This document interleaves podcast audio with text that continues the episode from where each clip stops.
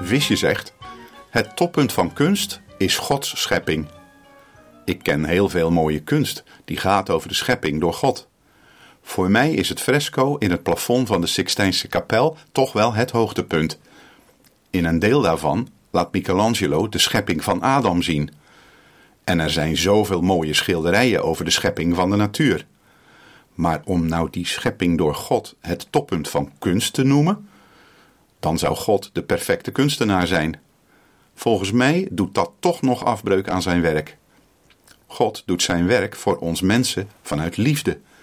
Zoveel liefde dat hij zelfs zijn eigen zoon heeft gegeven om voor ons te sterven en weer op te staan. Dat zou toch geen enkele kunstenaar voor ons doen? Nee, het toppunt van kunst is niet Gods schepping. Zijn werk gaat veel verder.